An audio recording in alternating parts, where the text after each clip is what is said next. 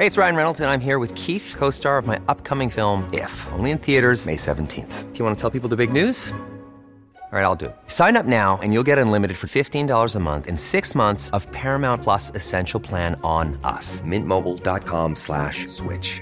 Upfront payment of $45 equivalent to $15 per month. Unlimited over 40 gigabytes per month. Face lower speeds. Videos at 480p. Active Mint customers by 531.24 get six months of Paramount Plus Essential Plan. Auto renews after six months. Offer ends May 31st, 2024. Separate Paramount Plus registration required. Terms and conditions apply if rated PG.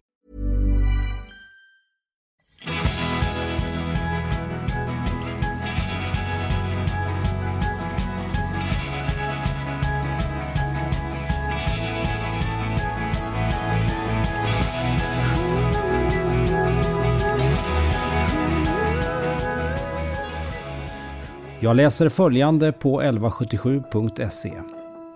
Endometrios innebär att det finns livmoderslemhinna eller celler som liknar livmoderslemhinna på andra ställen än inuti livmodern. Ett vanligt symptom är att ha mycket ont i samband med mens. De flesta behöver behandling för att slippa att ha ont och andra besvär. Det är vanligt att de första symptomen kommer i tonåren. En del får symptom redan första gången de har mens. Symptomen vid endometrios varierar från person till person. Så står det alltså på 1177. Och endometrios drabbar ungefär var tionde kvinna i fertil ålder och det är en kronisk sjukdom. Och som sagt, den ter sig väldigt olika från person till person. Och en som har mått väldigt dåligt av sin endometrios är Johanna Kajson. Men efter att ha lidit i många år så har hon nu hittat en väg som åtminstone mildrar symptomen. Och ja då, ni har gissat rätt. Kosten är inblandad i hennes resa. Jag har fått den stora glädjen att samtala med Johanna och höra hennes drabbande historia. Det här är Food Pharmacy-podden.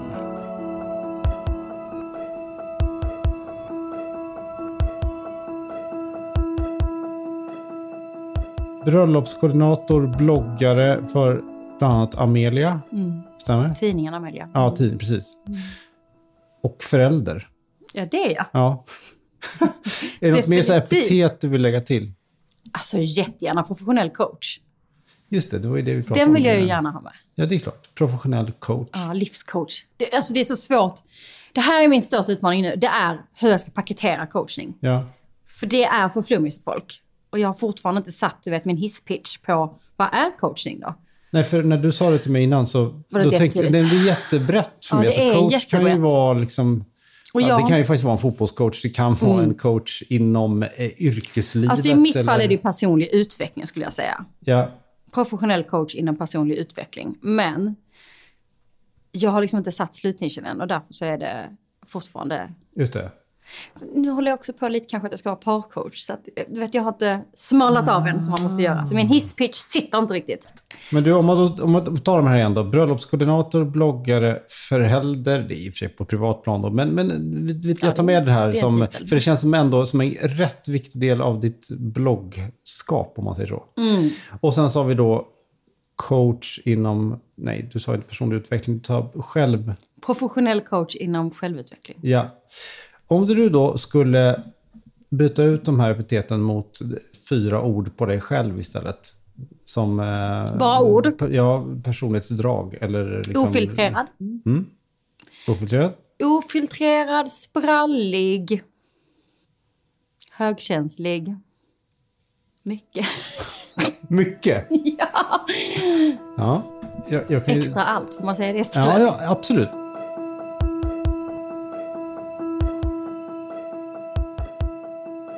Anledningen till att du sitter här mitt emot mig är för att någon rekommenderade dig, eller rekommenderade, sa så här att "Nej, men Johannas historia är väldigt spännande kring det här med kost och sjukdom kan man ju säga. Vi ska gå in på vad det är för någonting. Och jag tror att det är någon följare till dig. Det kan vi ta reda på någon gång. Men det är ju så att, eh, som jag nämnde i det här försnacket, så finns det ju en sjukdom som heter endometrios. Och det är en sjukdom som du lever med. Mm. En kronisk. Ja. sjukdom är det. Ungefär 10 procent eh, lever med det. Kvinnor är det ju bara som lever med det, som man förstår på ditt intro där. Ehm, så det är ganska många ändå som lever med det. Och ehm, ja, men den är som sagt kronisk, så att, eh, har man det så har man det. Och sen tyr den sig otroligt olika på olika kvinnor. Jag har förstått det. det är liksom, vissa kanske inte märker av det alls och, och vissa måste, lider så mycket så Opereras. de måste operera bort livmodern. Visst är det så? Ja, och det är till exempel det förslaget som jag fick sista omgången av sjukvården. Ehm, Men då sa man att vi kan operera bort allt, då kan vi garantera att du blir blödningsfri. Men inte smärtfri, det kan vi inte garantera. Och då var jag inte så sugen på att göra den operationen.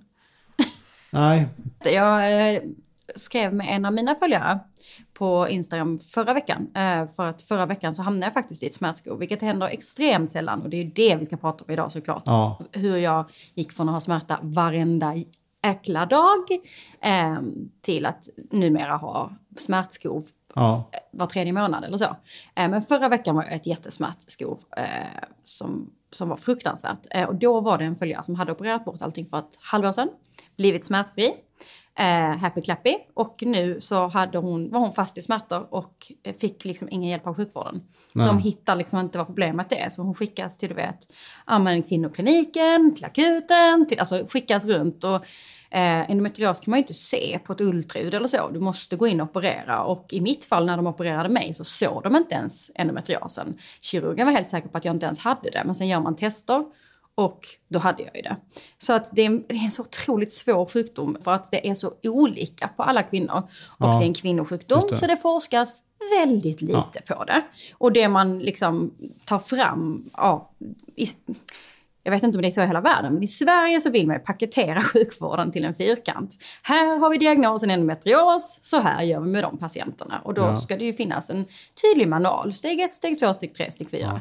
Men bara alla jag har kontakt med som har endometrios, vi har ju alltså helt olika symptom.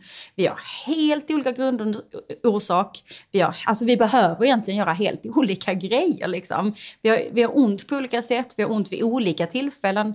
Så den här svenska sjukvården, eh, och det är inte lätt såklart, för att så funkar svensk sjukvård, men den är för fyrkantig och väldigt många är som jag. Man får inte hjälp. Jag hängde i sjukvården i tio år innan jag liksom gav upp. Och, och var så här, jag, jag, ni har ingenting med att ge mig. Och de sa det också. Vi har bara en sak till att testa på dig och det är att operera bort allt. Då kan vi få dig blödningsfri, men vi kan inte garantera att du är smärtfri. Nej. Och det hände ju den här följaren jag, jag eh, skrev med på DM i förra veckan. Att hon, hon blev ju, hon gjorde operationen och har varit smärtfri ett halvår och bara happy clappy liksom. Jag är så nöjd att jag gjorde det och ah, äntligen är jag liksom frisk, tänker man då. Och nu har hon skitont och nu vet Du de kom inte... tillbaka liksom, efter ett halvår. Ja, och grejen är att de vet ju inte vad de ska göra. Alltså för de vet ju inte, vad är nu problemet? För så långt har vi inte kommit eh, i, i Sverige kring hur man tar hand om endometriospatienter. Så att det, ja, det är en skitsjukdom, rent ut sagt faktiskt. Men om vi tar från början då. När, när förstod du att du hade den här sjukdomen? Um, alltså grejen är att eh, när jag liksom fick min mensdebut, då hade jag jätteont från start. Men när man är liksom ung tjej så, ja, man har menssmärtor. Och eftersom jag är, idag vet jag ju att jag är högkänslig. Att jag har känslorna utanpå. Att om jag är glad är jag jätteglad, om jag är ledsen så är jag jätteledsen. Så jag misstolkades ganska mycket för, och det här känner väldigt många endometriospatienter igen sig i. Det blev ett misstolkande av att jag nog överdrev. Liksom. Ehm, drama queen. Liksom. Det är menssmärtor, ta en Alvedon och gå på gympan. Alltså så. Så jag har jobbat, pluggat, levererat oerhört under mitt liv med eh, liksom smärtstillande som har tagit bort toppen men alltså egentligen varit dubbelvikt så ont jag har. För att alltså min hjärna är så tränad i att göra allt som alla andra gör trots en smärta som väldigt många jämför med de tuffaste förlossningsverkarna. Och, och, och det här kommer i samband med menstruation eller är, är, är det konstant? Eller? Mm. För mig började det vid menstruation och sen eh, så var det oftast, det fattade inte jag då, jag visste liksom, alltså helt ärligt inte vad ägglossning var förrän jag typ skulle försöka skaffa barn. Men, men egentligen två gånger då, vid ägglossning och vid menstruation hade jag väldigt ont. Det var där det började. Men sen så blev det värre och värre, så jag hade ont varje dag. Bara mer eller mindre ont. Jag hade ont hela tiden i vad som kändes som äggstockarna. Ehm, Hela tonåren, hela liksom... Nej, den, den kom väl lite... eh, Alltså, under tonåren hade jag ont vid mens och an, andra nedslag också liksom. Mm. Men sen när jag var kanske runt 2021, då började det pocka på så att det blev varje dag. Ehm, och jag har ju åkt in akut många, många gånger eh, under alla de här åren.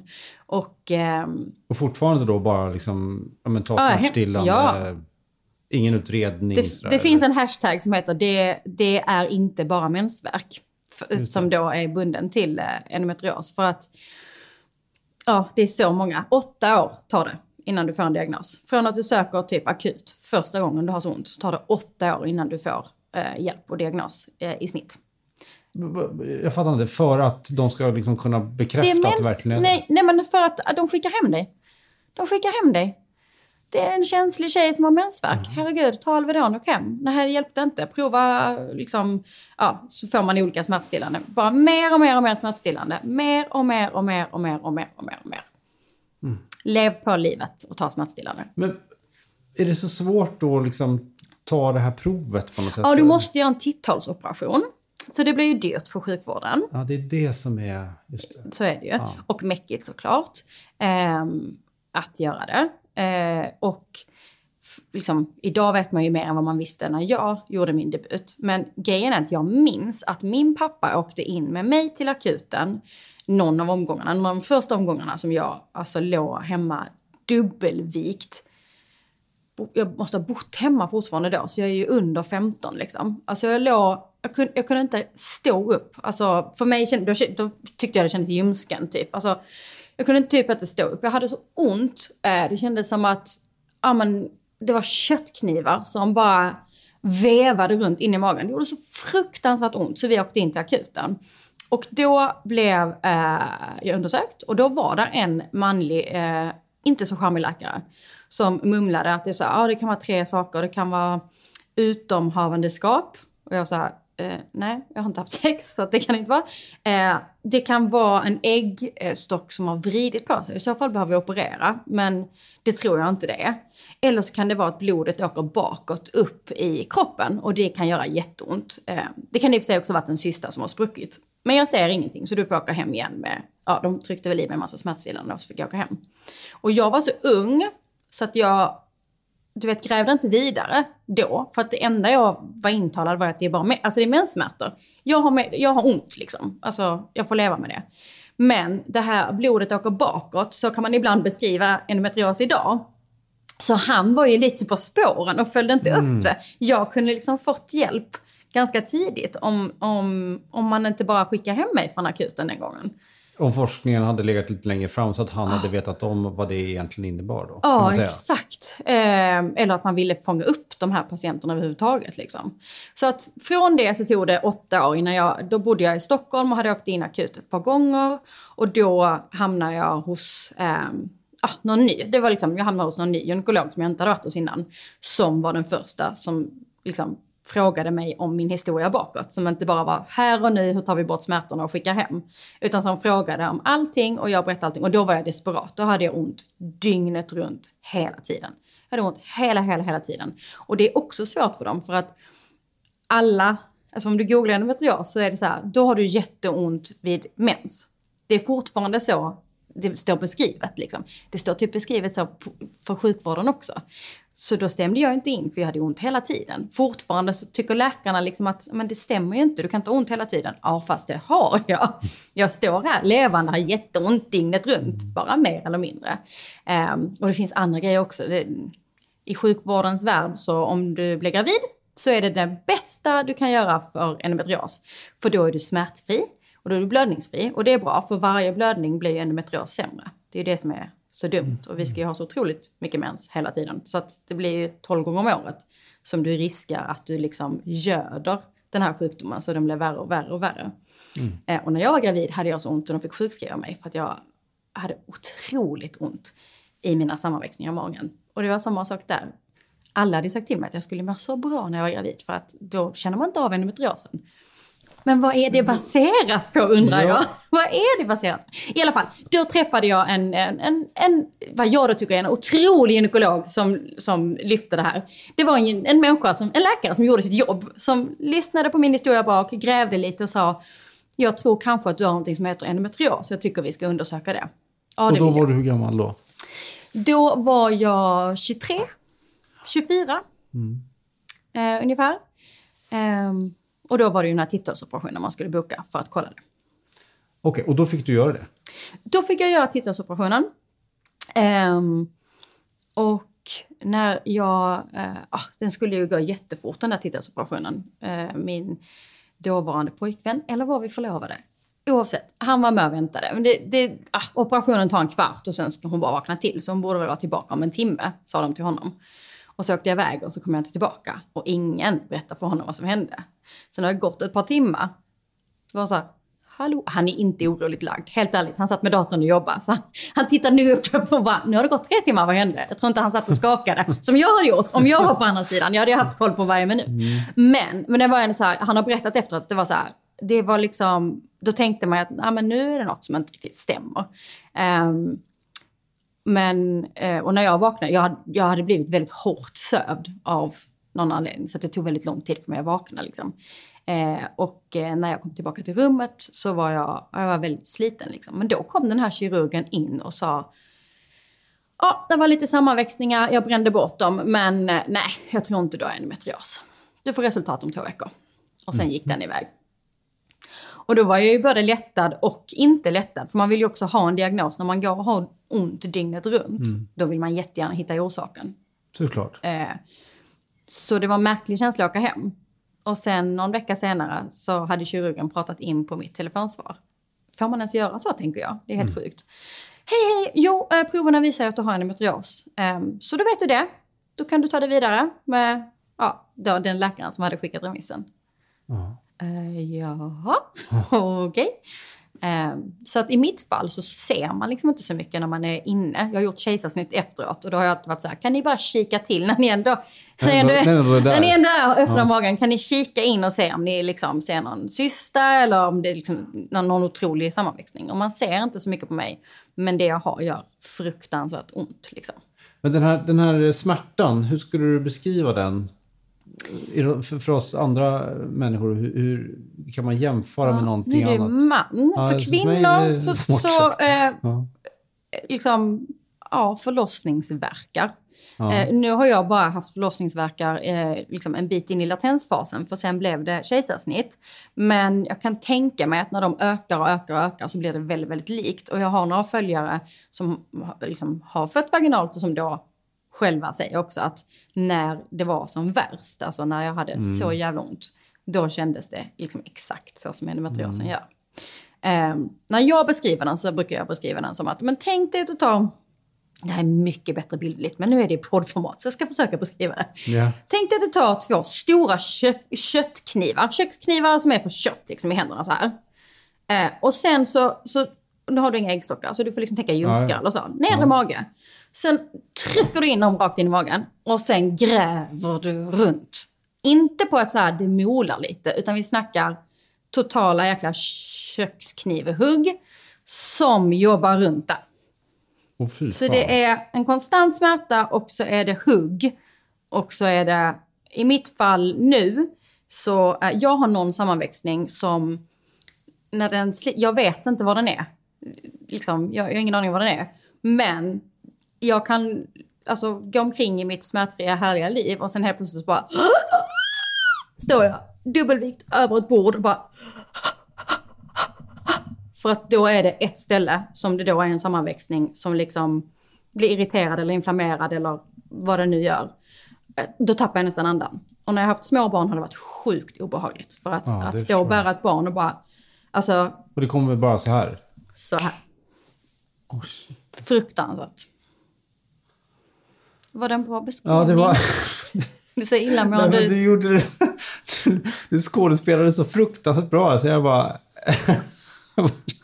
Ja, det, ja det, men det... Nej, men... Eh, Okej, ja, men jag fattar. Det här måste ju ta på psyket. Mm. Något fruktansvärt. Du måste, jag antar att man blir vansinnigt trött ja. och eh, ne, ne, nere liksom. Ja. Eller, eller hur? Kan Eller, eller, alltså det är ju både och. Jag pratar med fina pappa igen. Men både, alltså, mamma och pappa är liksom väldigt positiva människor och så. Ehm, och liksom, alltså jag har nog fått en slags positiv styrka hemifrån, tror jag, i att tänka positivt. Så att det är väldigt sällan jag grävt ner mig. Och här är det olika, jättemånga blir ju sjukskrivna. De blir deprimerade och Ja, sjukskrivna.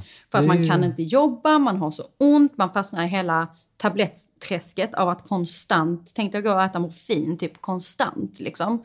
Men det hjälper inte, men du vet inte, alltså du och det i får sig ingen bryter hjälp. ner kroppen. Ja, det har Ja. jag ju lärt mig nu. Liksom Ja. att det är ju alla de, här, alla de här smärtstillande som man stoppar i sig och troligtvis är man så slut så man ligger bara hemma, du kan inte röra dig, du kan inte jobba, du missar allt kul, du blir därmed deprimerad, ska du börja ta mediciner för det kanske?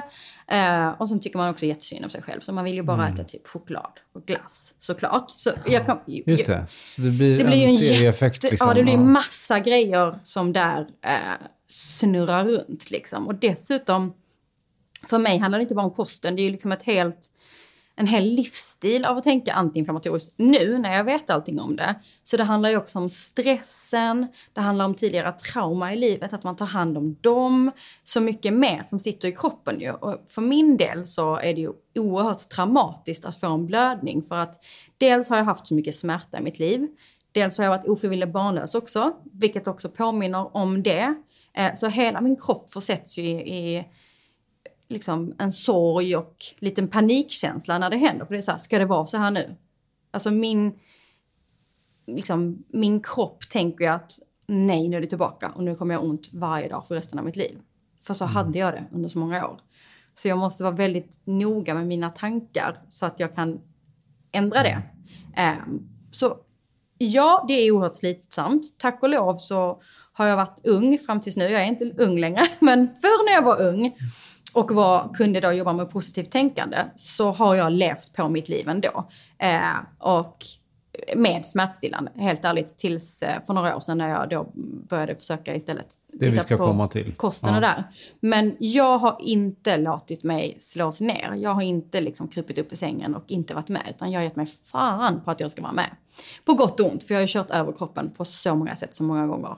Eh, av att kroppa i med de här grejerna och liksom stå på träningen och stå och åka Ja, iväg. alltså jag är så imponerad av dig som ja, har hållit uppe humöret. Det är helt otroligt. Jag har också legat ner och gråtit. Men Ja. till alla då som lyssnar som kanske lever med någon kronisk smärta, liksom någon, något, känner igen sig på något sätt i det och då inte liksom hittar nycklarna. Jag ehm, jobbade med en fantastisk kvinna ehm, för många år sedan som heter Lotta. Som ehm, berättade för mig att hon hade haft eh, cancer. Liksom, I ett läge där hon mer eller mindre får ett dödsbesked att hon kommer dö. Liksom. Och hon valde att jobba på under tiden. Det är en lång historia. Otroligt inspirerande kvinna. Eh, men då pratade vi vid något tillfälle, då berättade hon för mig, för att jag lärde känna henne efter det här. Hon var inte helt friskförklarad, men hon, eh, hon var liksom typ frisk. Men hon berättade hur hon hade tacklat de här åren, för hon jobbade de här åren eh, på det här bolaget som, som vi sågs på. Och hon bestämde sig för att när hon skulle in på behandlingar eller hon skulle få besked på tester eller vet, sjukhusdagarna, sjukdagarna. Då bestämde hon sig för att hon tillät sig själv att tycka synd om sig själv och vara ledsen och vara ynklig, gå in i den känslan. Men hon satte en tidslimit på hur länge hon fick vältra sig. Och sen var det stopp. Och det tog jag med mig. Eh, jag lärde känna henne när jag var 20. Och det var en jättestor vändpunkt. Jag har alltid varit positiv. Men där fick jag ett verktyg som jag har använt sedan den dagen i alla mina Alltså alla möjliga smärttillstånd eller utmaningar i livet. Att eh, vissa grejer behöver man liksom tre dagar till. Ibland är det så här, tre dagar, varsågod och var den ynkligaste människan som hatar alla, tycker livet är orättvist, tycker att alla friska jävlar bara kan gå och jag vet inte. Men eh, alltså verkligen gå in i det. Och sen är det stopp. Sen måste du släppa det. Så gjorde vi genom IV IVF och sånt också att okej, nu gick det inte. In och sörja, gå loss i det. Och på den tredje dagen, uppstånden, nej men då gäller det att resa sig och leva sitt liv. För annars blir man deprimerad. Så det verktyget är jag så glad att hon lärde mig och det, det är det jag har använt verkligen. Ja. För att um, ja, men se till att ha kul och vara med på grejer och ja, men leva liksom. Nu har du två barn, eller hur? Mm. Två killar. Som är hur gamla då? De fyller åtta och fem nu i sommar. Är de gulliga eller? De är jättegulliga! Åh. Okej, och då innebär det att... Får se nu här. Åtta år sedan, då var du alltså... Nu avslöjar vi din ålder här. Ja, ja, jag, är, jag fyller ju 37 här Ja, om en Ja, månad. just det. Okej. Eh, Så Så att du- 29 låter det som då om vi ska räkna Ja. rätt. Va? Och den här resan, den här med kostresan, Mm. kom lite senare kan man säga. Efter att du hade fött i alla fall ditt Ja, första båda. Mm. barn. Båda. Just det. Så att du... Nu är det inte säkert att kost hade gjort eh, det lättare att bli gravid. Det vet man ju inte. Men kanske, kanske inte. Mm. Men eh, det innebar i alla fall att du gick igenom eh, flera IVF-försök. Ehm, Som har med endometriosen att göra. ja, det tror man ju. Det är svårt att veta ju. Alltså, okej. så. Det är inte självklart. Nej, nej, det är det ju egentligen inte. Den är också liksom, när jag fick min, då när jag hade fått den där kirurgsamtalet och sen när jag var tillbaka hos läkaren, då var det ju en av grejerna så här, det kan vara svårt att få barn. Eh, och ja, det kan vara svårt, men det är inte så för alla endometriospatienter. Återigen, sjukvården vill paketera och göra allting fyrkantigt. Alla endometriospatienter har inte svårt få barn, alltså få Nej, barn naturligt. Nej. Så det är ju olika. Eh, I mitt fall så, eh, så hade det troligen med endometriosen att göra. Och kanske den där lilla operationen också. För att de mätte mina äggreserver innan den här titthålsoperationen. Och så mätte de efter och då hade det halverats. För att då hade man påbörjat en studie om att titta just på vad händer om man går in och gör operationer i de här trakterna med kvinnor. För det hade man inte forskat på innan. För vi forskar inte på kvinnor, vi forskar på män. Här hör du på mitt tonläge att jag är så trött på det. Men, eh, så men att, det eh, ja, vad som är vad. Men eh, många olika faktorer gjorde ju att, eh, att det var svårare att bli gravid. Eh, men vid första barnet så blev Så- det så- tre IVF och andra så eh, gjorde vi faktiskt inte IVF. Okej, då, Mm. då gick det naturligt. Med fullt fokus. Ja, high five på den. Vi har gjort exakt samma resa du och jag. Då. Enkelt. Ja, fast vi, ja, det kan vi ta sen. Men, men just det där, det, det ju, ganska- verkar ju som att det är ganska vanligt att andra barnet så... Att ja, kroppen det har fattat. Liksom. Ja, kroppen har fattat på något sätt. Eller, Man har lärt kroppen. Ja. det, jag tror absolut på det. Ja. Dels har kroppen fattat kroppen har lärt sig. Eh, och sen så har man själv också lärt sig. Ja. Alltså vad som är viktigt och, och så. Eh, ja. Och sen är det inte Precis. så för alla. Så jag får också panik på att man säger till, du vet, när man, nu när man har vänner. Nu kan du slappna av. Ja, Men eller det- tänk inte på det. Om Nej. du bara slappnar av då kommer du bli gravid. Jag känner en som köpte en hund och då blev den gravid. Då vill man bara så här. Det Sluta. där är fruktansvärt. Hur ska Men- jag inte kunna tänka på det? Jag sätter en spruta i min mage varje dag. Det går inte att inte tänka på det. Så att bara, ah, kärlek till alla er som lyssnar som kanske är inne i det här nu. Det är bara Ja. ta hand om dig själv på bästa sätt. Självkärlek. Det är det. Ja. Mm. Gud vad vi hoppar runt. Känner du också det? Ja, men jag, men jag tycker det är härligt. Jag ska, jag ska försöka styra tillbaka Ja, det ser ut som att du har en röd linje. Lita inte på det.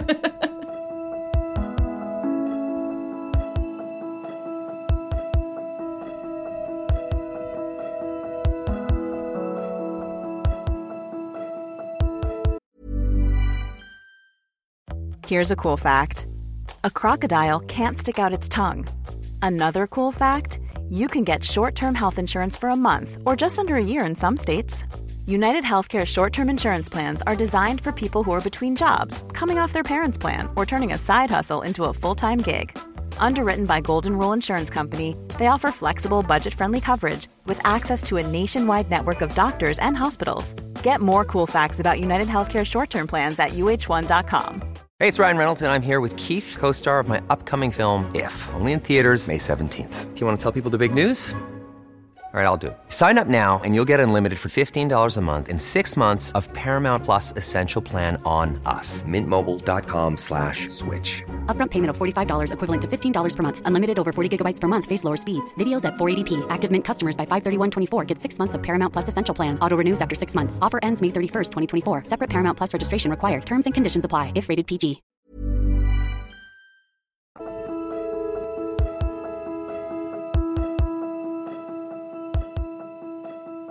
All den här medicineringen, Mm. på vilket sätt har den påverkat din kropp? Kan du se specifikt att det, det har resulterat i det här och det här? Nej, det kan jag inte. Ehm, idag tyvärr så går jag ju fortfarande på hormoner. Jag går ju på p-piller. Eh, jag hade jättegärna slutat. Eh, för det, att varje dag stoppa i mig det och klura på hur levern tar upp det och hur kroppen kämpar med det. Men för min del så är det ändå en sjukdom där man helst inte ska blöda. Så sluta, just nu så äter jag ju för att inte ha någon blödning alls. Liksom. Det är tanken att jag ska vara på 12 månader vara helt blödningsfri. Sen så kommer det, liksom, kroppen behöver rensa ut ibland. Så tre gånger om året, så, som det var då förra veckan, så kommer den då. Men det är ändå bättre med tre gånger än 12 gånger. För att det är en sjukdom där om jag blöder, då kan man ändå säga att det som händer är att de här sammanväxningarna jag har, ehm, de kan bli värre och värre. Det kan vara blod som går bakåt om man nu ska beskriva det på det sättet. Det är inte det bästa sättet att beskriva det. Men, och kan sätta sig på härdarna och bli mer och mer och mer. Så idag behöver jag ju fortfarande göra det. Och ibland behöver jag också ta smärtstillande. Och, och det tar emot när man nu har lärt sig så mycket mer kring vad som händer. Det blir lite pest eller kolera. För ibland måste jag också bara stoppa kroppens smärta. För att kunna liksom, ta mig vidare med det andra. Men jag har ju liksom, provat oerhört ja, mycket. Liksom, ja, men de provar att sätta mig på såna här förebyggande mediciner också. Du vet betablockerare. Um, också så här serotonin. Alltså, jag, jag har provat så mycket. och Det har jag mått jättedåligt av. Min kropp har slått bakut på alla förebyggande mediciner. Tack och lov får vi väl ändå säga. För annars hade jag nog gått och ätit dem i många, många, många år. Eh, jag har fått alla biverkningar som går att få om jag har tagit det som då är en förebyggande medicin. Så jag har mått så, så dåligt på det så jag var tvungen att sluta. Och i något tillfälle, jag vet att de, de satte mig på någon sån här nervmedicin för att man skulle försöka stoppa just att nerv, att det skulle skicka smärtsignaler så att säga. Eh, och då blev jag så dålig, alltså det var det värsta, värsta, värsta någonsin. Det var året efter att vi hade gift oss. Och på den medicinen så blev, alltså min kropp bröts ner. Jag var så svag, så det var som att jag var 90 år gammal. Jag kunde liksom inte gå 400 meter. Den var, allt var förtvinat. Men min hjärna var på sån speed. Det sjukaste speed du kan tänka dig. Och jag är en kreativ eh, liksom, människa. Så den gick på högvarv dygnet runt. Den var liksom på något, alltså som att den var på uppåttjack. Nu har jag aldrig provat droger i mitt liv. Jag kan tänka mig, alltså, så hjärnan bara ah, höll på. Jag pratade, alltså jag pratar ju högt som det är, jag är ju mycket. Men alltså jag vet att min man var så här, du kan inte reglera ditt tonläge. Du hör inte att du pratar jättehögt ibland. Eller att du pratar jättetyst ibland. Alltså jag, han såg hur påverkad det var. Så hjärnan var på ultraspeed och kroppen bara förtvinade.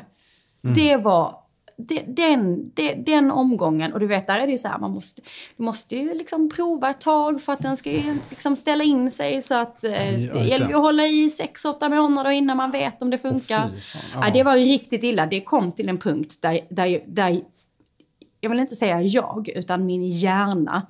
Jag vet att jag skulle åka tåg och så stod jag och tittade på spåret och då tänkte min hjärna, det kanske bara är bättre att hoppa. Och det var så här, fy. stopp. Nu måste vi sluta. Det här är inte meningen med livet att gå på tabletter som gör en helt koko liksom. Så då sa jag till dem att vi, vi måste sluta. Det här, jag tänker inte ta det här med liksom. Och det är ganska länge sedan. Jag, sjukvården, det har varit så mycket, så, så mycket som inte har hjälpt. Eh, och eh, verkligen alltså till slut att jag kände, nej men de har gett upp på mig och jag har gett upp på dem. Liksom. Det var där jag kom till eh, food pharmacy-biten. När det var så här, okej, du- för de ville att jag ska gå på dubbla p-piller varje dag. Då blev jag också helt koko liksom. De, alltså, allt vad de satte in och då var det bara den här operationen kvar. Det var verkligen så här, det här är det sista vi har att ge dig. Eh, men som sagt, då vet vi inte ens om du är smärtfri. Och då kände jag, okej nu är vi färdiga med varandra. Nu måste jag gå på ett annat håll. Eh, och då började jag googla. Ja, det var så det började. Ja. Det här var i samband med pandemin. Som Ja. kraften kom till mig. Först var jag ju bara helt slut på sjukvården. Sen kom pandemin, allt mitt jobb blev avbokat. Jobba med bröllop när det kommer en pandemin är inte kanon. Eh, jag blev som du sa helt slut av det. Då förstod min kropp och hjärna hur slut jag var av att ha kämpat så länge. Ja. Så först var jag jätte, jättetrött. Sen gick jag traumaterapi för något väldigt, väldigt, väldigt tufft som jag var med om när jag var ung. Som jag inte har bearbetat och faktiskt inte riktigt visste att jag hade varit med om heller. Eh, så då jag gav mig in i en riktigt tung traumaterapi och där börjar min läkningsresa egentligen. För trauma är ju också inflammerande. Food pharmacy är ju mycket kost, men för mig är hela antiinflammatoriska livsstilen, det är en helhet. Det är liksom hur du mår och hur du tar hand om dig själv på alla plan. Um, så att börja med att läka det där traumat, det var jätteslitsamt. Sen en bit in på det, då var det just det här tröttsamma på att ha så ont. Att det är så här, så här ont kan jag inte ha. Nu måste jag måste göra någonting. Och då hittade jag en tjej som heter Stina Persdotter som är kinesolog. Det finns ju många eh, kinesologer eller holistiska liksom, coacher mm. som är duktiga på näring. Det finns ju massa, massa, massa. Eh, och hon har också endometrios. Så jag hittade ju hennes story. Hon jobbar tyvärr inte med det här längre, ska jag säga redan nu. Så inte hon blir nerringd och DMad om nya klienter. För hon gör inte det här längre. Men då eh, så tog hon emot klienter. Eh, och i samma veva, för då hade jag läst lite om hennes historia och frågade henne om, om jag tyckte det var skitläskigt alltihopa, om, vi kunde, om hon kunde hjälpa mig. Och eh, vi bestämde typ, om det var så här, vi pratade innan jul och så sa vi efter jul så skulle vi dra igång då i januari. Och jag minns att jag grät för att jag var så rädd för att börja med henne. För jag älskade ju bröd, jag älskade gluten, eller jag fortfarande. Alltså, jag, jag var så rädd för att ge mig in på den här resan. För jag insåg ju kraften jag behövde ha. Och jag var så jäkla trött. Jag var helt slut. Hur ska jag orka ha det här fokuset och amen, sluta äta så mycket som jag tycker om. För det hade du förstått då genom henne? Att det, det, det genom henne, eh, liksom, henne, googling och liksom nyfikenhet på, på um, ja, men det holistiska sättet så att säga. Det var ju där jag hade börjat gräva runt. Liksom. Holistiskt endometrios, what to do liksom. Så jag började sörja redan innan jag började. Det var så sorgligt. Alltså jag grät. Jag grät mina vänner. Över brödet liksom. Oj vad jag grät. Och så småbarnsmamma. Det är så här, jag förstår inte ens hur ska jag kunna leva mitt liv med barn och som, du vet, makaroner och köttbulleträsket och hur ska det här gå? Så jag, jag, jag preppade mig innan med att verkligen, återigen, ta mina tre dagar, gräva ner mig i ett hål och tycka så synd om mig själv för att jag skulle göra den här resan. Och sen reste jag mig upp och bestämde mig att eh, nu ska jag göra det här. Så jag gick in med hull och hår. Det första jag gjorde var eh, på jullovet, det var att läsa Food Pharmacy-boken. Eh, som jag inte Oj, hade läst innan och inte haft koll på. Men då läste jag den. Och, och då pratar vi alltså 2020? 20. Ja. Och då var dina barn hur gamla då? Ja, nu är vi på 23. Ja. Så tre år yngre ja. då. Så två och fem, och fem ja, var de. Då har man ju att göra. Ja, det har man. Eh, men jag hade ju inte så mycket att göra på jobbet dock. Nej, just det. Och det ska sägas. Eh, jag la mycket av mitt liv under ett år på att få till den här läkningen. Just det. Mm. Och jag pandemin gav dig den mm. pausen på något sätt för att... Ja, om man alltså, nu ska se det så tar vi det positiva sättet ja. att se det så tackar jag pandemin. Verkligen. Ja. För att jag dels tog tag i traumaterapin, dels tog tag i att läka alla mina smärtsymptom antiinflammatoriskt och lärde mig allt det här. Um, och att jag höll ut, för det var slitsamt. Och eh, så utbildade jag mig som professionell coach då också. Och då lärde jag mig också mycket om mig själv när jag gjorde det. Såklart. såklart. Och när jag möter andra människor. Jag lär mig väldigt, väldigt mycket om, om stress, stressnivåer mm. och allt sånt. Liksom. Så många, många delar där. Men, eh, men när jag läste, jag kommer ihåg också när jag läste Food Pharmacy, så tyckte jag det var så intressant. Och jag liksom använde markeringspenna och strök över, liksom bara okej, okay, det som var så härligt var att om jag skulle göra det, då måste man ju verkligen tro på det och gå in för det, annars orkar man ju inte. Och den är så lätt skriven och humoristiskt skriven. Det var så enkelt ändå att ta till sig. Att om det här är min sanning nu, då är det väldigt tydligt liksom. Mm. Um, så att jag gick in med hull och hår. Jag hade coachsamtal hela vägen och det var tacksamt för hon läste av på min tunga. Eh, kinesolog kan ju göra det, kan ju se på tungan. Du ser mm -hmm. förvånad ut. Har du inte koll på det här? Nej, tunganalys! All, nej, aldrig någonsin. Det här måste du... Mm, så spännande. Vadå? Alltså, berätta.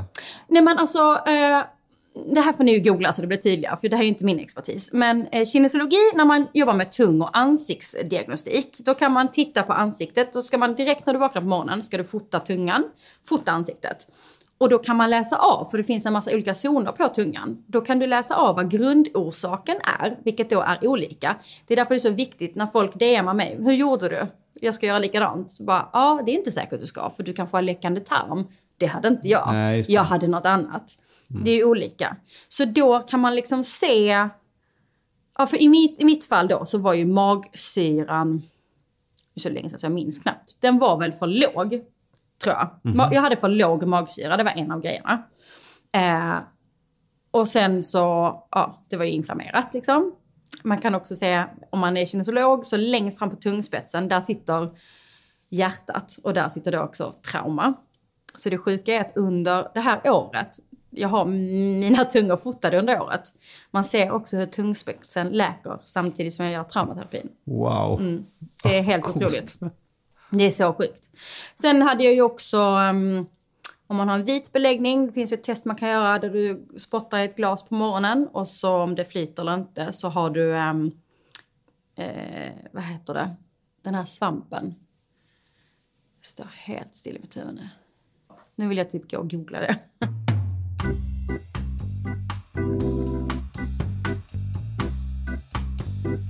Okej, nu har Johanna googlat här. Säg.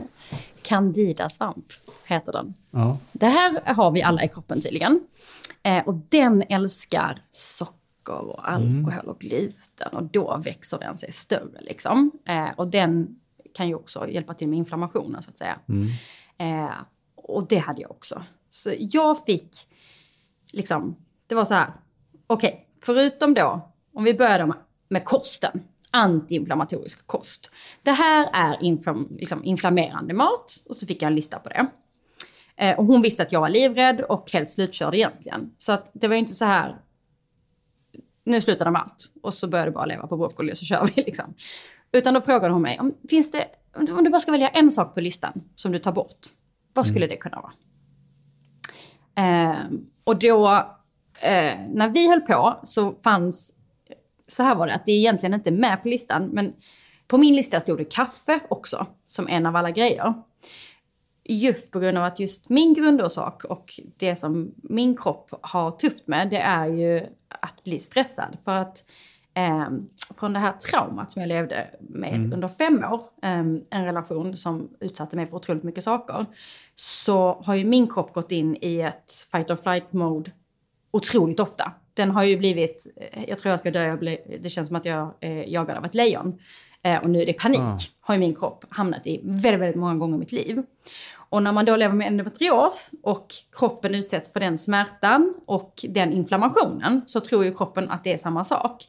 Och då när jag började liksom lura i det så kände jag också att, att hälla i mig en kopp kaffe utsätter ju också Boostar min då. kropp för den här stressen. Ja, att börja varje morgon med att ta en shot av den typen av stress, det kan inte vara bra. ja, det bara boostar hela det systemet på Ja, sätt. exakt. Så jag valde kaffe. För jag ville ju inte välja gluten. Det var min skräck att ta bort gluten. Så jag sa, ja, ah, kaffe. För jag har alltid tyckt kaffe är gott och trevligt. Men jag har liksom aldrig varit beroende. Så att för mig så var det inte så här, hur ska jag kunna leva utan kaffe? Utan det kändes rimligt. Och hon bara så här, jag såg på henne att det var så här, ja, kanske någonting mer, men okej. Då kör vi på det. Men det var bara en månad. Så där började jag. Jag slutade med kaffe. Och sen så fick jag dricka Paudarco-te 171 gånger om dagen mot då den här candida-svampen. Är man nyfiken, googla. Man kan också googla hur man gör testet. Man kan också titta på sin tunga på morgonen om den är helt vit. Då har man troligen det. Sen var det en massa andra regler. Jag skulle djupandas 10 minuter varje dag för att massera liksom, magsyran och magsäcken. Eh, det var ju smart, för att det det också gjorde var ju att dra ner min stressnivå. Att djupandas korrekt liggande i en säng 10 minuter om dagen. Det var ju en typ av mindfulness som jag tänkte att jag inte kunde göra, för jag har aldrig kunnat göra mindfulness. Men nu blev det ju 10 minuters avbrott varje dag. Där jag tänkte att jag masserade magsäcken och magsyran. Men jag tog ju också ner stressnivåerna väldigt mycket. Och det var hon som gav dig alla de här instruktionerna? Ja. Sen fick jag inte dricka till maten, jag skulle dricka mellan maten. Jag lärde mig det här med att man inte ska dricka iskallt vatten, utan rumstempererat eller varmt vatten. Visste inte jag. Va? Nej, men du vet, du kommer med så mycket spännande information här. Åh att, herregud! Alltså, det, återigen, iskallt vatten chockar ju min kropp. Alltså, det är klart som tusan att min kropp bara, om jag går upp på morgonen och dricker iskallt vatten, den bara wow, vad händer? men menar att det är någonting generellt att man inte ska göra Ja, det? Okej. googla det här. Alltså, Ja. din kropp är ju rumstempererad liksom. Den vill ju ha den Mm. temperaturen i sig. Att den får iskallt vatten. Mm. Det, det blir ju, alltså den slår ju bakut liksom. Mm. börjar varje morgon med ljummet citronvatten för att liksom neutralisera, bli basisk. Också jättebra grej bara för att få i mig vatten, för det var jag inte bra på. Eh, och sen så just det att jag fick inte dricka till maten för att jag skulle få upp näringen på bästa sätt. Och då skulle jag dricka allt det här vattnet mellan. Och sen fick jag inte äta någonting förutom när jag åt. Så det var så här, du får äta fem eller sex gånger per dag. När du äter, Så mellanmål var okej på något sätt? Ja, ja. Mellanmål är okej. Men när du står och fixar mellis till barnen så kan du inte ta en vindruva. Och det var ju mycket med magsyran. Starta processer och liksom... Exakt, Ja. nu tror kroppen att du käkar Ja. så tog du bara en vindruva. Det spelar ingen roll om du tar en vindruva, Nej, en chokladbit eller en köttbulle eller vad det än är. Eller broccoli. Alltså, när du äter så äter du och när du Ja. inte äter så äter du inte. Eh, och sen så var det en hög med kosttillskott. Det var nog där jag började tror jag. Och du hör ju, jag hade inte tid att jobba heltid. Det var ju liksom enormt fokus att få till det här. Och förutom det, då började jag ju leva lite enligt då Food Pharmacy-boken. För då hade jag ju, jag var ju nyfiken och lärde mig. Så jag drog ju ner på gluten, jag drog ner på socker, jag drog ner på alkohol. Friterad och, eller hårt stekt mat. Allt det här började jag ju dra ner på. Men jag ville liksom inte ha förbudet, utan experimentera lite i smyg tänkte jag. Och sen Inte, efter en... inte, inte hänge sig helt. Nej, utan- nej, nej, nej, nej. Bara utan- lite grann. Jag bara provar lite.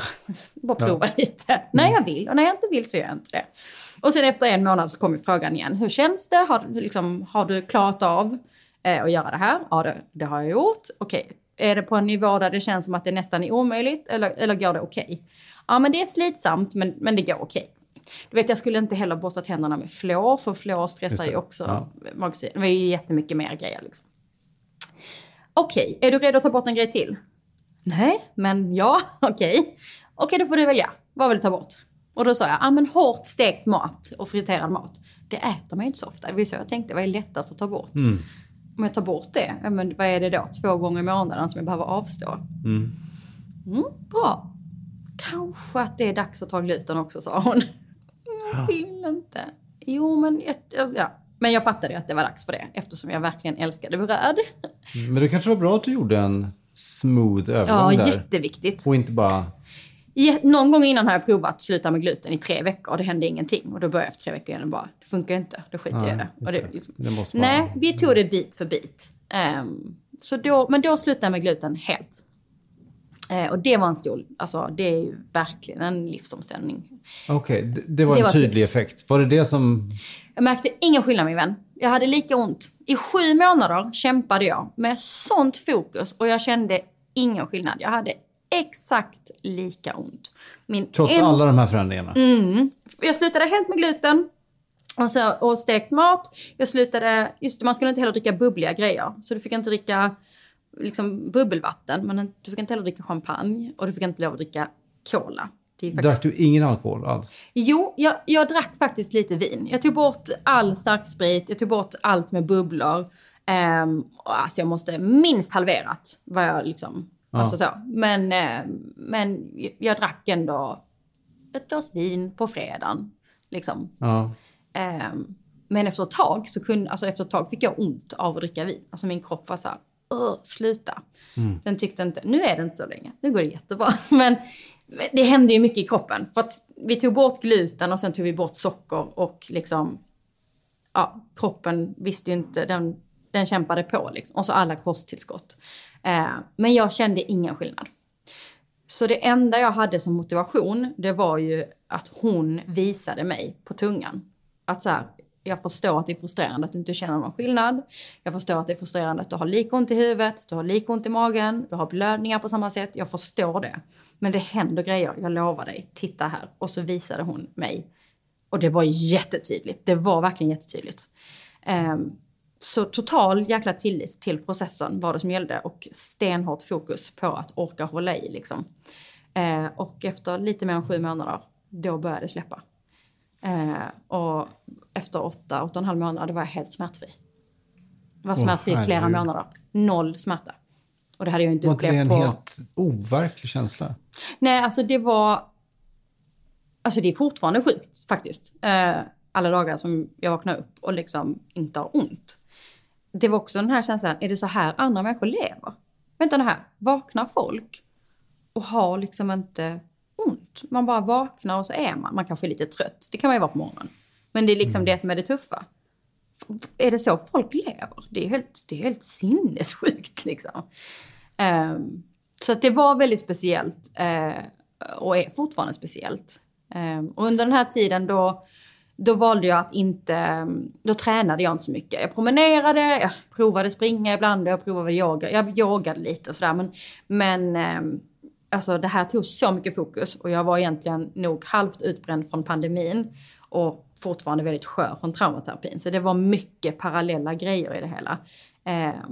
Så efter ungefär ett år av det här, det, det, vi inte har sagt, det är ju allt jag åt. Framförallt så åt jag ju oerhört mycket grönsaker, alla färger. Eh, gjorde gröna juicer varje dag och alltså massa, massa massa grejer. Alltså näringsboost. Jag blev näringsägare och är fortfarande det. Det är så här, hur får jag mig näring? Hur får jag mig bästa näringen? Det är liksom det som är fokuset. Så det, det gjorde jag ju. Det handlar inte bara om att sluta. Det handlar ju väldigt mycket mm. om vad är det du stoppar i det liksom. Um, och efter typ ett år, då började jag eh, lirka efter att hitta min nya balans. För jag ville inte, det passade inte mig att leva så här. Jag kom inte till något stadie där det var så här, åh jag kan inte tänka mig att äta lösgodis ja, igen. Det. alltså det, det har inte Nej. hänt mig. Liksom. Eller dricka vin eller... Alltså, Nej, samma här. Det, så, jag förstår det helt. Ta till och med kaffe ibland nu. Det är helt ja. sjukt. Jag bara, åh en liten kopp kaffe ja. hade varit gott. Um, när jag mår bra, när det känns som att men, liksom, allt är i balans och det hade varit gott med lite kaffe. Då tror jag inte det stressar min kropp heller. Liksom. Um, så att det är väl där jag är nu egentligen. Att, eh, du har hittat någon slags balans däremellan och då, smärtorna har inte kommit tillbaka? Nej, smärtorna har inte kommit tillbaka. Men som jag nämnde tidigare så är det ändå obehagligt. Som förra veckan då, när min kropp bara... Det börjar göra ont lite överallt. Jag känner i magen, det är så här... Nej, nu kommer någonting hända. Och sen bara slår hela kroppen bakut. Det gör så ont, det kommer en gigantisk blödning, jag blir sängliggande. Alltså jag ligger och um, ja men verkligen andas genom smärtor liksom på ett helt sjukt sätt. Och Som då, det var förr? Ja. Eh, och då tänkte var det första gången? Nej. Jag var helt smärtfri i typ fyra månader tror jag.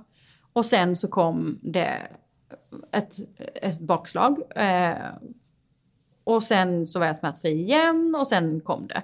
Så nu, eftersom jag fortfarande går på p-piller då, så sjukvården som vi inte ska kasta ut genom fönstret som helt okompetenta såklart. Det finns ju såklart saker som de vet och kan. Det finns mycket som vården gör som är fantastiskt Massa! såklart. Och men, även inom, det... det... är klart att de kan saker om det här också. Ja. Och någonstans att, att jag ska vara blödningsfri, det tror jag på.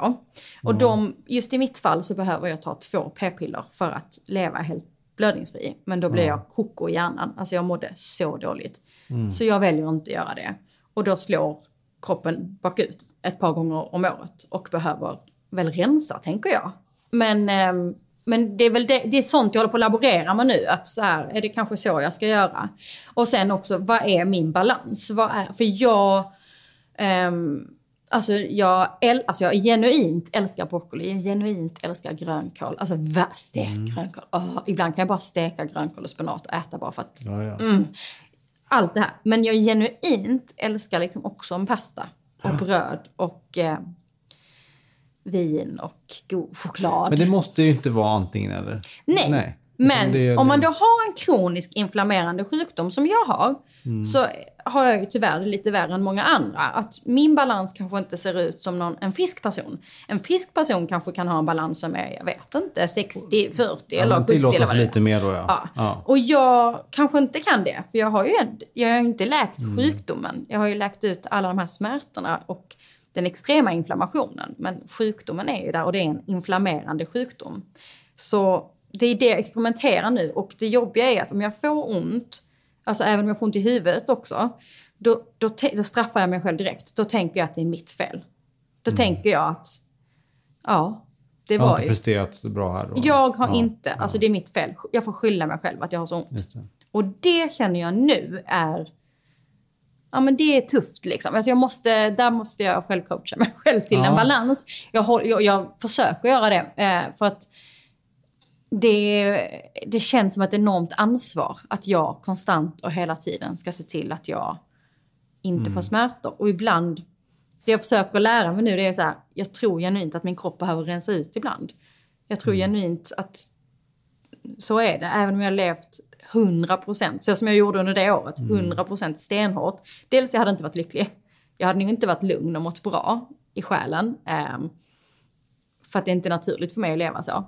Jag har inte landat i att det känns ja, men, ja, så här, toppen. Eh, och jag tror faktiskt att kroppen ändå hade slått bakut vid de här tillfällena. Ja. För vi kan inte läka all, allt. Liksom. Alltså, kroppen är kroppen. Eh, så jag behöver ju hitta mitt och inte liksom straffa mig när det blir smärta. Utan då, då, då är det acceptans. Nu är det så här. Får man lägga sig ner och tycka synd om sig själv i en eller två eller tre dagar och sen, och sen komma igen. Liksom. Just det. Det är, ja, det är Så svårt. den balansen behöver du träna på helt enkelt. Det jag får träna på är väl just att inte slå på mig själv. Utan ehm, att tycka liksom, vara- bara empati. Liksom. Att jag gör mitt bästa hela tiden på något sätt. Men, men sjukdomen är ju kvar, sammanväxningarna är kvar. Och, eh, och det kan jag inte läka bort. Liksom. Det, det, så är det ju. Att det, det är liksom inte bortläkt. Men jag är smärtfri. Jag vaknar utan smärta varje dag. Jag lever mitt liv. Jag har inte kronisk huvudvärk, jag har inte kroniskt ont i magen längre. Utan jag har ont i magen en gång var tredje månad kanske. Ja.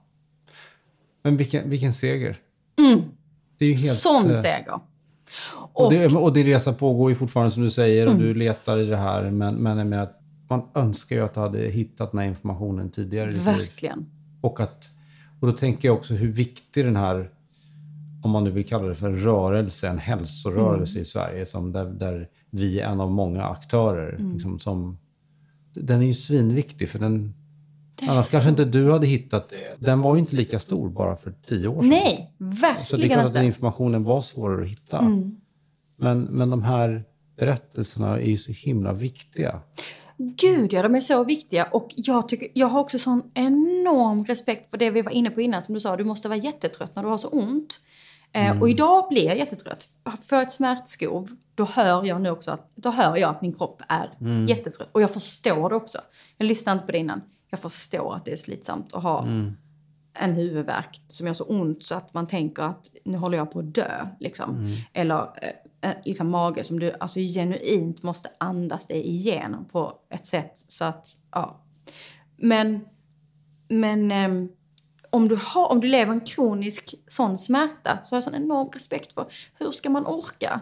Eh, och det vill jag verkligen säga att så här, gör små steg i taget. Allra helst, ta någon eh, coach som hjälper dig på vägen. Så att det blir små steg och någon som kan hjälpa dig fylla på dig positivt med vad du har gjort. Nu sitter du i den här rutinen. Nu dricker du citronvatten varje morgon utan att det är någonting du ens tänker på. Det är en grej liksom. Eller nu lägger du alltid till grönsaker. Ja, du äter fortfarande gluten. Uh, That's fine. Du slutar med det eller drar ner på det när du är redo. Men tänk, du äter aldrig måltid utan att du äter grönsaker nu. Vilken grej! Att man liksom får det här positiva. För när man gör det själv och tänker att det är allt eller inget. Ja. Man orkar ju inte det. Du orkar inte från en dag till en annan sluta med gluten, socker, kaffe, alkohol, alltså pizzan det med där för den barnen här på fredagen. smygstarten du pratar om, är inte, jag menar, den är inte Det är så dum. så viktigt. Det är så, så viktigt. För är du i ett sånt smärtläge så har du inte kraften att från en dag till en annan vända upp och ner på ditt liv och börja leva på det sättet. Det blir för slitsamt och som i mitt fall tog det ju sju månader innan jag ens kände av någonting. Ska du orka hålla ut i sju månader utan att du mår bättre? Det gör ingen människa. Man gör inte det. Så att små steg, börja med det enkla. Alltså börja med det som känns som jag gjorde. Liksom, man fattar, det är nog gluten du ska sluta med. Men det gjorde inte jag. Jag började, jag började med något annat som kändes, det här känns som det känns tufft, men det är över... Liksom, kom, alltså jag klarar det här. Jag klarar av att prova att vara utan det här i en månad. Och om det gick bra, ja, men då kanske jag prov, klarar av det här. Och också att inte tänka att det är för evigt, även om det i slutändan oftast blir så. Men det var också läskigt. Ska jag aldrig mer äta gluten? Eh, men det behöver du inte bestämma dig för. Men ta, ta ett hälsoår till dig själv. Och så tar du små steg. Och så liksom går det ut på att du verkligen ska ta hand om dig själv. Och inte bara kosten. Det handlar så mycket om att få ner stressnivån, att lära känna dig själv. Vi är alla olika. Var går mina gränser? Hur mycket kan jag vara med folk? Hur mycket behöver jag vara själv i tystnad? Hur mycket sömn behöver jag? Alltså det är ju så mycket mer. Vilken träning passar mig? Jag till exempel, jag ska aldrig mer springa i hela mitt liv. Jädrar vad jag har alltså, provat löpa. Det är inte min grej. Min kropp blir stressad. Den får ju panik av att springa. Ja. Det är inte min grej. Men på bootcamp, hit me. Alltså jag är... Där står jag och lyfter tyngder, kan springa intervaller eller vad det nu är. Men att, att det här, att sikta på att försöka lära mig att springa en mil, som jag har kämpat med i så många år. Nu har jag äntligen bara så här, it's not for me. Ja. Jag gör För det där det. kan man ju lätt eh, dras med ibland. Att, att eh, gud vad alla gör, vad det nu är för Ja. någon träningsform. Och så här. Nu ska men vi det- springa det, Ja, milen. alla älskar det. Och, men det är bara att inse liksom att Hitta man din sin- grej. Alltså man, Ja. Ju det- mer vi lär känna oss själva, det är det Ja. som är grejen. Alltså, och, det, oh, och det är ju därför jag älskar mitt yrke som personlig coach också. Ja. För att, att, att, att få coacha människor, jag får inte tycka till när jag coachar. Jag får ju bara ställa frågor till dig. Mm. Så du bara svarar. Jag, jag tycker aldrig till. Jag gör aldrig tips, jag tycker inte till. Jag bara ställer frågor och ställer frågor och ställer frågor. Lyssnar väldigt aktivt på mellan raderna Mm. och ställer nästa fråga. Och då att ha någon som... Alltså när min klient då svarar på det här och till slut får fram en sån nyckel. Till exempel, jag ska aldrig mer springa hela mitt liv. Mm. Det är inte jag som vill springa, det är samhället som vill att jag ska springa. Jag hatar ju att springa. Ja. Jag ska aldrig mer göra det. Hurray! Alltså det, de där nycklarna. Så bara lär känna dig själv. Lär känna vad du behöver. Det är liksom sån nyckel. Någon mår genuint dåligt av pasta eller gluten. Någon liksom äter en- en pasta och känner att jag får ont i magen eller jag är svullen eller så. Ja, då är, då är kanske din kropp känslig för det. Jag kan fortfarande äta en pasta och det händer ingenting. Min kropp slår inte bakut på det. Men jag vet ju att om jag börjar käka massa pasta och bröd så om ett år så ligger jag nu i kroniska smärtor igen. Men jag känner inte av det.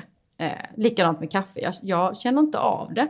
Men jag vet i min hjärna att nej, det är nog inte så bra. Så att om jag är stressad är det ju inte kaffe jag ska ha. Men om jag är lugn och lite mysig söndag hemma hos svärmor och det luktar jättegott, då kan jag ta mig en liten kopp. Så det handlar ju om sig själv, så man inte går in i en box. Alla ska leva så här.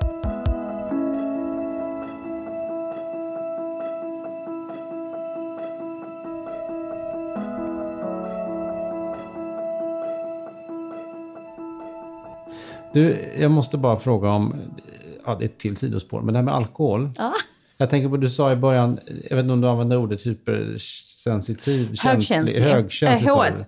Det kan vi Ja. ta ett annat avsnitt också. Ja, om precis, hur viktigt det exakt. är att lära känna sig själv när man är högsensitiv eller Ja, högkänslig. men jag, jag går och tänker just nu i mitt liv mycket på det här med liksom, hur alkohol påverkar mitt humör och sådär. Eh, och jag, jag har med eh, små barn också fått med mig ett stort paket av oro som jag inte har gått och burit på tidigare i livet, vilket jag vet att i stort sett alla föräldrar får med sig. Men jag hade liksom inte alls det på det sättet tidigare, så att jag är lite överrumplad av Oj, kunde jag gå runt och vara så här? Oj. Lägga så fruktansvärt mycket tid på oro. På, och det blir inte... Det sprider sig på massa andra saker än barnen också. Även om jag på något sätt kan härleda det dit ändå. Men det kan vara över klimat och krig. Och det kan Åh. vara, det är så, men det, det, så det är inte bara att barnen ska slå sig, och, utan det är liksom allt möjligt. Och, och jag tycker liksom att alkoholen tenderar ju att, så att säga, accelerera alla sådana känslor. Ehm, även om man dricker mindre mängder. Men för mig blir det i alla fall så att det som jag är känslig för, det som jag reagerar på blir såklart alltså, starkare av alkoholen. Därför, därför blir det så viktigt för mig att hålla nere den konsumtionen. Av den Titta, anledningen. Där har du lärt känna dig själv. Ja, exakt. Det är jätteviktigt för dig. Mm. Men du kan få dricka kaffe. Ja, Ja. funkar jättebra för mig. Det funkar jättebra för jag, dig. kan, jag, jag är en sån som kan dricka kaffe på kvällen. Det händer Titta. ingenting med. Och jag kan dricka vin på kvällen. Ja. Men du, jag undrar då, för det här tror jag många känner igen sig i. Det du säger Ja. nu med ångest, oro och alkohol. Ja. Det finns ju forskning på det också såklart. Och många känner säkert igen sig. Känner du att det är alltså, när du har alkohol i kroppen?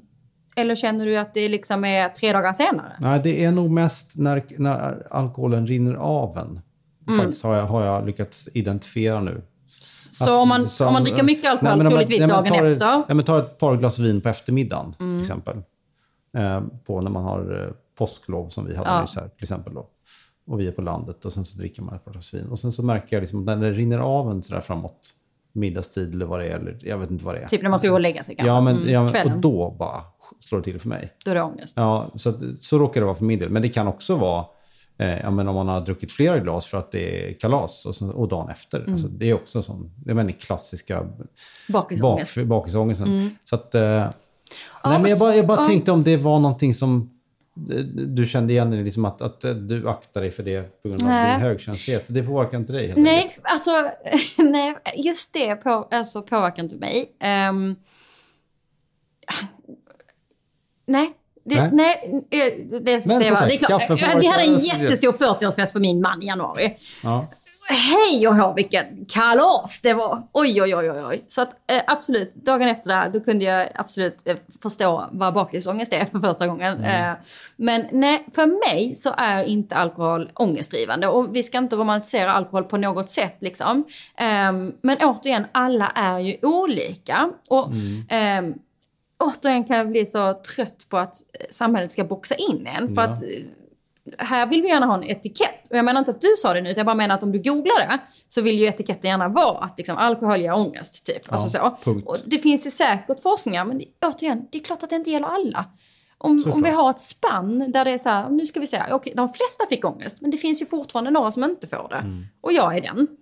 Ja, då var det så. Liksom. Och så är det ju med allt. Man ska akta sig för boxarna. Och jag är ju en boxmänniska av rang. Hela mitt, min hjärna har olika labels liksom. Men, men Jättebra när man är projektledare. jättebra faktiskt. Sortera upp saker och ha koll och så. Men, ehm, men det här är någonting jag verkligen försöker jobba med. Att hela tiden, jag går tillbaka till mig med mina vänner, att konstant och hela tiden försöka vända tillbaka det till dem. Liksom, men vad blir bäst för dig? För att, eh, ja, någon, så här, jag kanske inte hade gjort så, men det blir bäst för dig. Ehm, och jag har absolut vänner som, som har som lever med tuff ångest generellt, liksom, eh, där det absolut blir värre av alkohol. Och där man då såklart jättegärna vill att de ska komma fram till att det är så här, jag lägger ner alkohol, jag mår inte bra av det. För att om, man inte mår bra av det, så det, då ska man inte göra det. Nej. Och återigen, någon annan får det av gluten. Kanske inte just ångest, men får man kanske svullen mage, jätteont då. Ja, då är det väl jätteklokt att komma fram till att det inte är värt det. Det känns inte bra när jag stoppar i mig det. Liksom. Eller vad det nu Det kan är vara. så tydligt att du är en svinbra coach. det, Det det, har varit väldigt kul att coacha dig får jag säga. Framförallt med den här oron som du beskrev Ja, nu. Jag den- trodde du varit, mått väldigt bra av eh, Nej, men att gå till absolut. coach. Mm. Och det gör jag faktiskt också. Eh, Jag går i, eh, ja, pratar med någon om det. Det har blivit så pass så här, störande Ja. i min vardag. Jag vill inte lägga så mycket tankar som jag gör på det. Nej. För, för det, det, det blir inte konstruktivt. Det leder ju liksom inte till något bra. Nej, Även om jag vet att det är en naturlig reaktion på saker. Och en, eh, alltså absolut, men ja.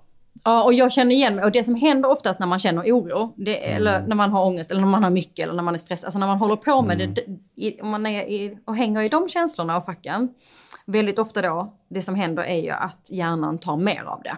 Så är jag superstressad och har en lång lista, då lägger jag ju till jättemycket mer saker på listan. Det är då jag får för mig att jag måste skriva upp den där kroken som har legat på golvet i ett halvår. Det är liksom är så här, Mm. "Åh, vi måste skriva upp kroken också, vi måste organisera den här. hal-" Alltså det är så funkar hjärnan. Och hänger du i ångesten och du börjar snurra på kriget och klimatet och eh, att det nu verkar vara någon ny jäkla basilusk som är här i Danmark som verkar jättelätt.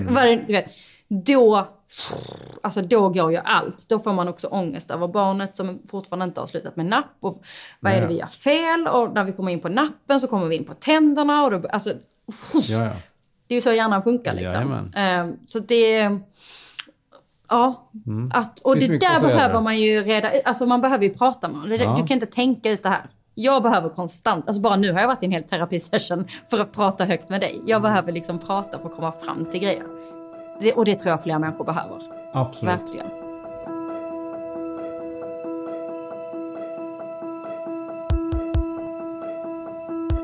Jag har en miniserie på min Instagram där är fyra avsnitt där jag berättar om hela den här resan. Hur, alltså just Ja. den här anti, alltså hur jag gick från att leva med kronisk smärta, vilka steg jag gjorde till liksom att, Ja. eh, att leva smärtfri idag. Eh, även om eh, det såklart ändå kan finnas bakslag eftersom det är en kronisk sjukdom. Och det finns också på bloggen finns det ett arkiv som heter typ antiinflammatoriska kostresan tror jag den heter.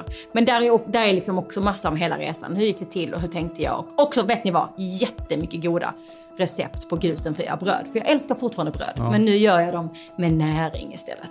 Det finns massa goda bröd att äta. Ja. Du kom in genom dörren här för ett par timmar sedan och eh, det har varit ett fruktansvärt trevligt sätt att lära känna dig. Vi hade ju aldrig setts innan. Nej, jättetrevligt. Detsamma. Eh, Så att jag eh, behöver inte förklara mer för varken lyssnare eller för dig hur, hur bra jag tyckte det här var. du, vi får ju se om de har lyssnat så här långt. Nej, det, det vet vi inte. Vi säger det. Tack alla som orkar lyssna hela vägen. oh. Tack. Du har lyssnat på Food Pharmacy-podden, vanligtvis med Lina Närtby och Mia Klase. Men i detta avsnitt med Johanna Kajson och med mig Sebastian Ring, som även står för musik och redigering. Vill du ha mer av oss på Food Pharmacy så finns vi på foodpharmacy.se och på Instagram under namnet food underscore pharmacy. Tack för denna gång. Stor kram.